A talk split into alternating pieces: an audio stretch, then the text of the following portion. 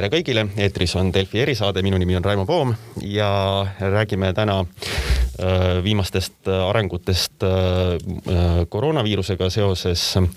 Ja eriti niisuguseks pealkirja äh, materjaliks on viimasel ajal muutunud olukord Lasnamäel, kus on Äh, väidetavasti väga palju nakatumist ja, ja olukord äh, üsna keeruline. aga kõigest sellest lähemalt äh, lähme kohe asja juurde ja meil on stuudios külas Lasnamäe linnaosavanem Vladimir Svet, tere hommikust! tere hommikust, jah. Aga võib-olla sa kõigepealt räägid natukene, et mis see olukord Lasnamäel siis on, et siin noh, sotsiaalminister ka seletab, et ikkagi päris keeruline see olukord, räägitakse, et väga paljudes ühistutes on see Äh, koroonaviirus sees äh, Lasnamäel, et äh, on see olukord väga hull siis, mis see olukord täpselt on, kuidas seda kirjeldad? kui sa lubad, ma alustaksin sellega, et kui me räägime Lasnamäest, me peame aru saama, et Lasnamäe ei ole mingi vaakumis eksisteeriv magalarajoon, vaid see on nagu Tallinna osa. Ja nagu meil on natuke keeruline, ma arvan, ja on ka ebaõige hakata võrdlema Lasnamäed näiteks teiste kohalike omavalitsustega, tihti kõrvutatakse Lasnamäe ja Tartu, kuna elanikkonna järgu, järgi on justkui nagu võrreldavad asjad, aga tegelikult, kui me mõtleme selle peale, kus lasnamäelased töötavad, kes käib Lasnamäel poes, kes käib Lasnamäel tööl, tegelikult nagu Lasnamäed vaadata eraldiseisvalt ülejäänud linnast, me me peame endale kohe ütlema, et see on selline nagu nii-öelda kujund, tegelikult Lasnamäe eraldiseisvalt Tallinnast ei eksisteeri. nüüd tulles tagasi Lasnamäe juurde, kui me juba otsustame sellele keskenduda, siis äh, meil on tõesti äh, väga kõrge haigestumus, kui me võrdleme teiste Tallinna linnaosadega. ja meie näeme selle haigestumuse taga kaks põhilist probleemi. esimene, noh, ma ei tea, kas probleem, aga asjaolu mm, -hmm. et inimesed elavad väga tihedalt. enam, enamus Lasnamäe elanikke elab äh, mitmekordses kortermajas, nõukaaegses kortermajas, paneelmajas. just. Eh, nendest majadest väga suure enamuse moodustavad üheksakordsed kortermajad, kus on eriti tihe see asustus ja kus inimesed on sunnitud kasutama lifte, rääkimata nõukogude aja tornidest, mis asuvad enamjaolt Ida-Lasnamäel või Taga-Lasnamäel, kus on isegi rohkem korruseid ja veelgi suurem vajadus kasutada lifti. ja me näeme, et kuna see asustustihedus on suur, inimesed kohtuvad tihti kaubanduskeskuses, inimesed kohtuvad tihti ühistranspordis, inimesed nagu kasutavad kõiki neid teenuseid oluliselt rohkem kui seda mõnes teises linnaosas, kus on näiteks rohkem eramuid. see on see üks mõju teine mõju on see, et meil oli päris pikalt selline nagu arusaam või tunnetus, et päris paljud Lasnamäe elanikud tegelikult ei saa teha oma tööd kaugtööna. see on nagu väga õige suunitlus, mida vabariigi president aastapäeva kõnes ütles, et tuleb rohkem mõelda selle peale, kuidas teha tööd maakodust, kuidas teha tööd kodust. aga vot lasnamäelastel enamjaolt ei ole maakodusid ja nende töö iseloom ei võimalda neil ka seda tööd teha nagu niimoodi, et see oleks ohutu. Ja tänaseks meil on tegelikult olemas ka statistika, mis ütleb, et mitte eestlaste seas on tegelikult kaks ja pool korda vähem inimestel võimalus kaugtööna oma tööd teha. muidugi see ei tähenda seda, et see äh, üks-ühele on ülekantav Lasnamäele, kuna Lasnamäel tegelikult elab Pärnu jagu eestlasi ja tegelikult Lasnamäel on eestlasi rohkem kui Nõmmel elanikke või kui Pirital elanikke mm. -hmm. aga üldiselt see annab meile indikatsiooni, me saame aru, et Lasnamäe inimestel on keerulisem oma tööd viia nagu koju võrreldes näiteks Nõmme või Pirita elanikega ja ka see on riskifaktor, sest me teame, et päris paljud töötavad laonduses, tööstuses, tootmises. meil on Lasnamäel endal väga suur nagu tööstusala Peterburi maantee ääres ja ma arvan, et ne nende faktorite koosmõju annabki seda, mida me praegu näeme hmm.. ähm,. aga kui nüüd äh, viitasid sellele, et, et tuleb, äh, inimesed elavad väga tihedasti koos nendes kortermajades ja on vaja kasutada siis lifti ja, ja nii edasi, et, et kas on teada ka seda, et, et mismoodi see viirus on siis levinud, et, et kas need on saadud nendelt töökohtadelt võib-olla, kus noh, nagu sa räägid, et on võimalik vähem teha kaugtööd või äh, siin on, liigub igasuguseid äh, hirmujutte, et, äh, et noh, mitte ainult liftist, aga et äh, a la, et nende kõrgete majade ventilatsioonisüsteemi kaudu muudkui levib ja kui ühte korterisse läheb sisse, siis läheb juba teise ja nii edasi, et, et kas, kas sellised asjad ka vastavad tõele või? no vaadake, mina ei ole Jarek Kurnitski on vist tema nimi Tallinna Tehnikaüli-, vabandust, TalTechist, kes on väga suur just ventilatsioonisüsteemide spetsialist. mina ei oska öelda, kas nõukogudeaegse maja ventilatsioonisüsteemi kaudu võib viirus maja sees levida. ma nagu ei hakka spekuleerima, aga me teame seda, et mida tugevam, mida parem on ventilatsioon ühes majas, seda väiksem on tõenäosus nagu nakatuda inimestel, kes on ühes ruumis. nüüd küsigem enda käest, milline on ventilatsioon meie nõukogudeaegsetes majades. no tegelikult ta on tihti sisuliselt olematu nagu kui ühistu on olnud hoolas aastakümnete lõikes, siis seda on vähemalt puhastatud, aga me saame aru, et ka see ei anna välja nagu, mida meil on päriselt nagu vaja. ma arvan, et see küsimus, kuidas muuta nagu meie eluruumide ja tööruumide ergonoomikat nii, et nad vähem soodustaks mitte ainult koroonaviiruse, vaid üldiselt haiguste levikut. see on nagu järgmise kümnendi üks suur küsimus, millest ka hakanud on teadlased nagu rääkima. aga praegu minul näiteks ei ole mingit hinnangut ja mina ei hakka ka seda ise hinnangut amatöörina nagu, amatöörina kuidagi nagu välja mõtlema. ent mulle nagu tundub, et siin on, meil on, meil on olemas andmed selle kohta, et inimesed haigustuvad kodus, tööl ja ei tea kus. ja see ei tea kus, nii palju kui mina viimati olen vaadanud seda Terviseameti statistikat, on piisavalt suur, et tegelikult sassi lüüa kogu seda meie arusaama sellest, kus inimesed haigestuvad mina olen rääkinud viimastel nädalatel seda, et haigestuda võib ükskõik kus lihtsam on mõelda niimoodi, kuna igaüks meist ei suuda järgida kogu seda statistikat, kogu seda teadmist, kogu seda ekspertide arvamuste nagu tulve, tuleb lihtsalt arvestada sellega, et olukorras, kus meil on epideemia ehk viirus levib kõikjal, haigestuda võibki kõikjal aga, aga äh, ma igaks juhuks küsin ka seda, et, et mis on see äh, teile teadaolev niisugune viimane olukord seal äh, Lasnamäel, et, et kas ähm, see haigestumus võrreldes siin, ma ei tea, paari eelmise nädalaga, kui on üleüldi, üldiselt Eestis ka väga kõrge see näit on, kas see on nüüd, ähm, läheb jätkuvalt kõrgemaks Lasnamäel, on see saavutanud mingisuguse taseme või, või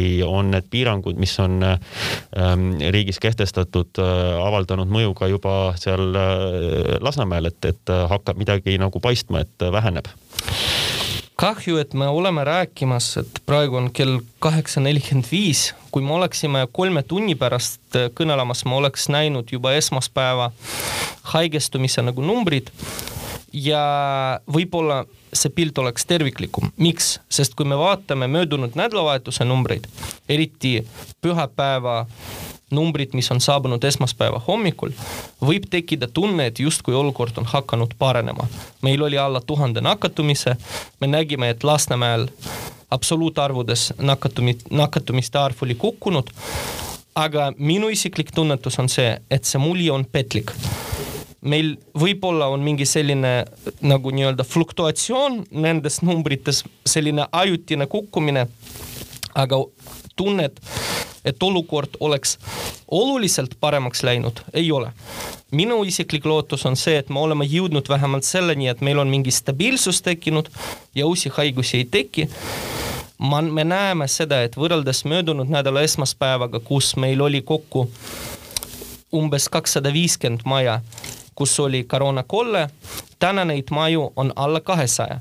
ja noh, muidugi need koroonakolded tekivad juurde ja nad lõpevad, kui inimesed äh, tervenevad see justkui kõik peaks andma meile mingi nagu lootuse, aga mina oleksin siin nagu, ma pigem oleksin nagu ettevaatlik, ma tahan eksida, aga ma arvan, et mingeid esimesi järeldusi me saame teha pigem selle nädala lõpupoole, sest kui üksteist märts sai need piirangud kehtestatud, me teame, et koroonaviiruse puhul meetmete nagu mõju aeg on umbes kaks nädalat ja ma arvan, et alles selle nädala lõpus, järgmise nädala algusest me hakkame juba nägema, mis on muutunud, mis on juhtunud mm. ja hindama nende meetmete mõju ähm,. aga kuidas nende piirangute nüüd täitmisega ja, ja inimeste arusaamisega Lasnamäel on sellest äh, koroonaviiruse ohtlikkusest, et ähm, Äh, ja, ja kas, kas neid ku,, kuidas nagu saab üldse neid või, või kuidas te jälgite nende piirangutest kinnipidamist, et Lasnamäel just, et on nendega probleeme, äh, on inimestele vaja selgitada, et tuleb maske kanda. Ähm, kas, kellega te koostööd teete, et, et need piirangud ja, ja reegleid täidetaks, et ei käidaks, ma ei tea, siis kaubanduses, poes ilma maskita, et hoitaks distantsi. kuidas sellega lood on?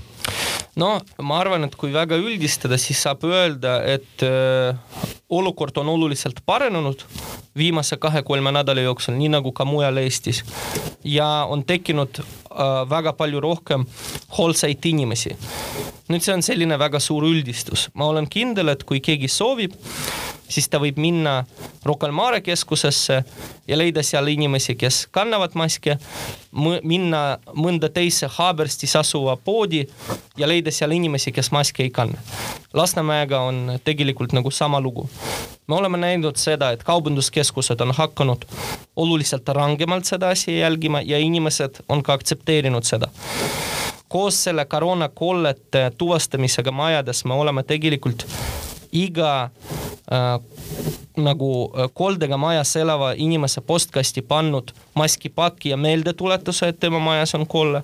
ja me oleme saanud sellele väga sellist nagu teravat reaktsiooni, teravat nii heas kui ka halvas mõttes aga ma arvan, et me sellega oleme saavutanud oma eesmärgi, et inimesed tunnetasid, et koroonaviirus on kohal, ta on, ta on nagu lähedal.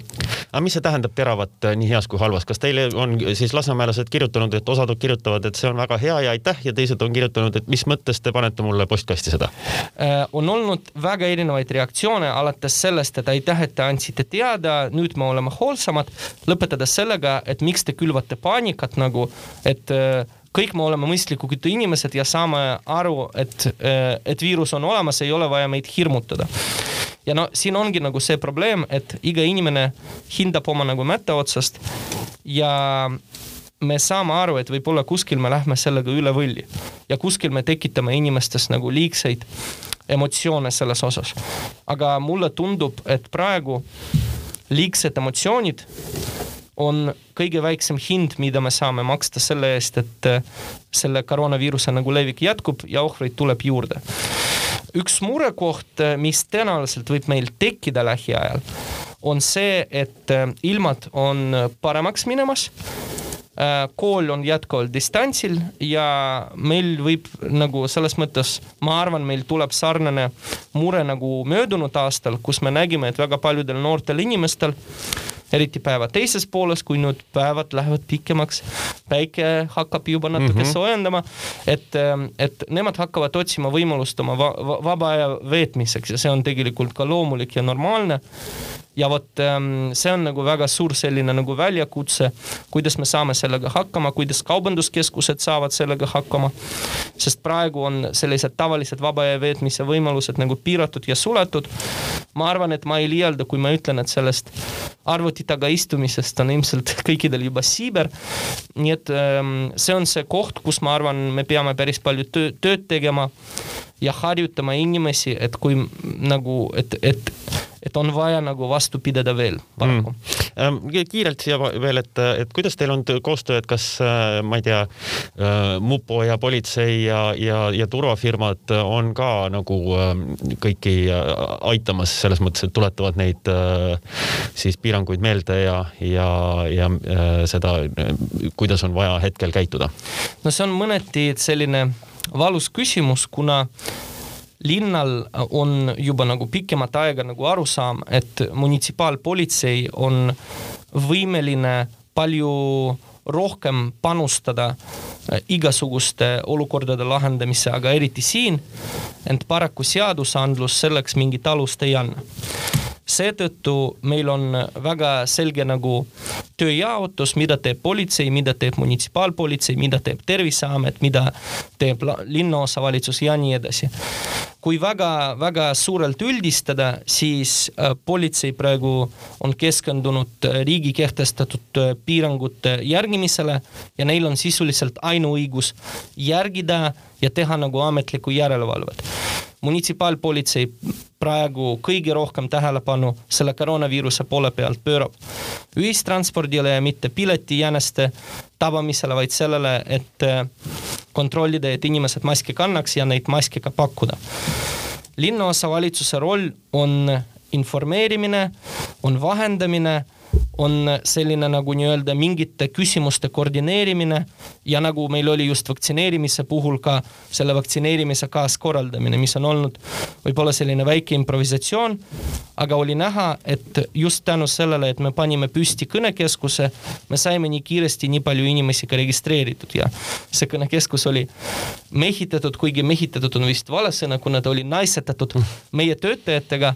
Eh, noh kes lihtsalt said aru, et see on hetkel kõige vajalikum asi nagu mida teha.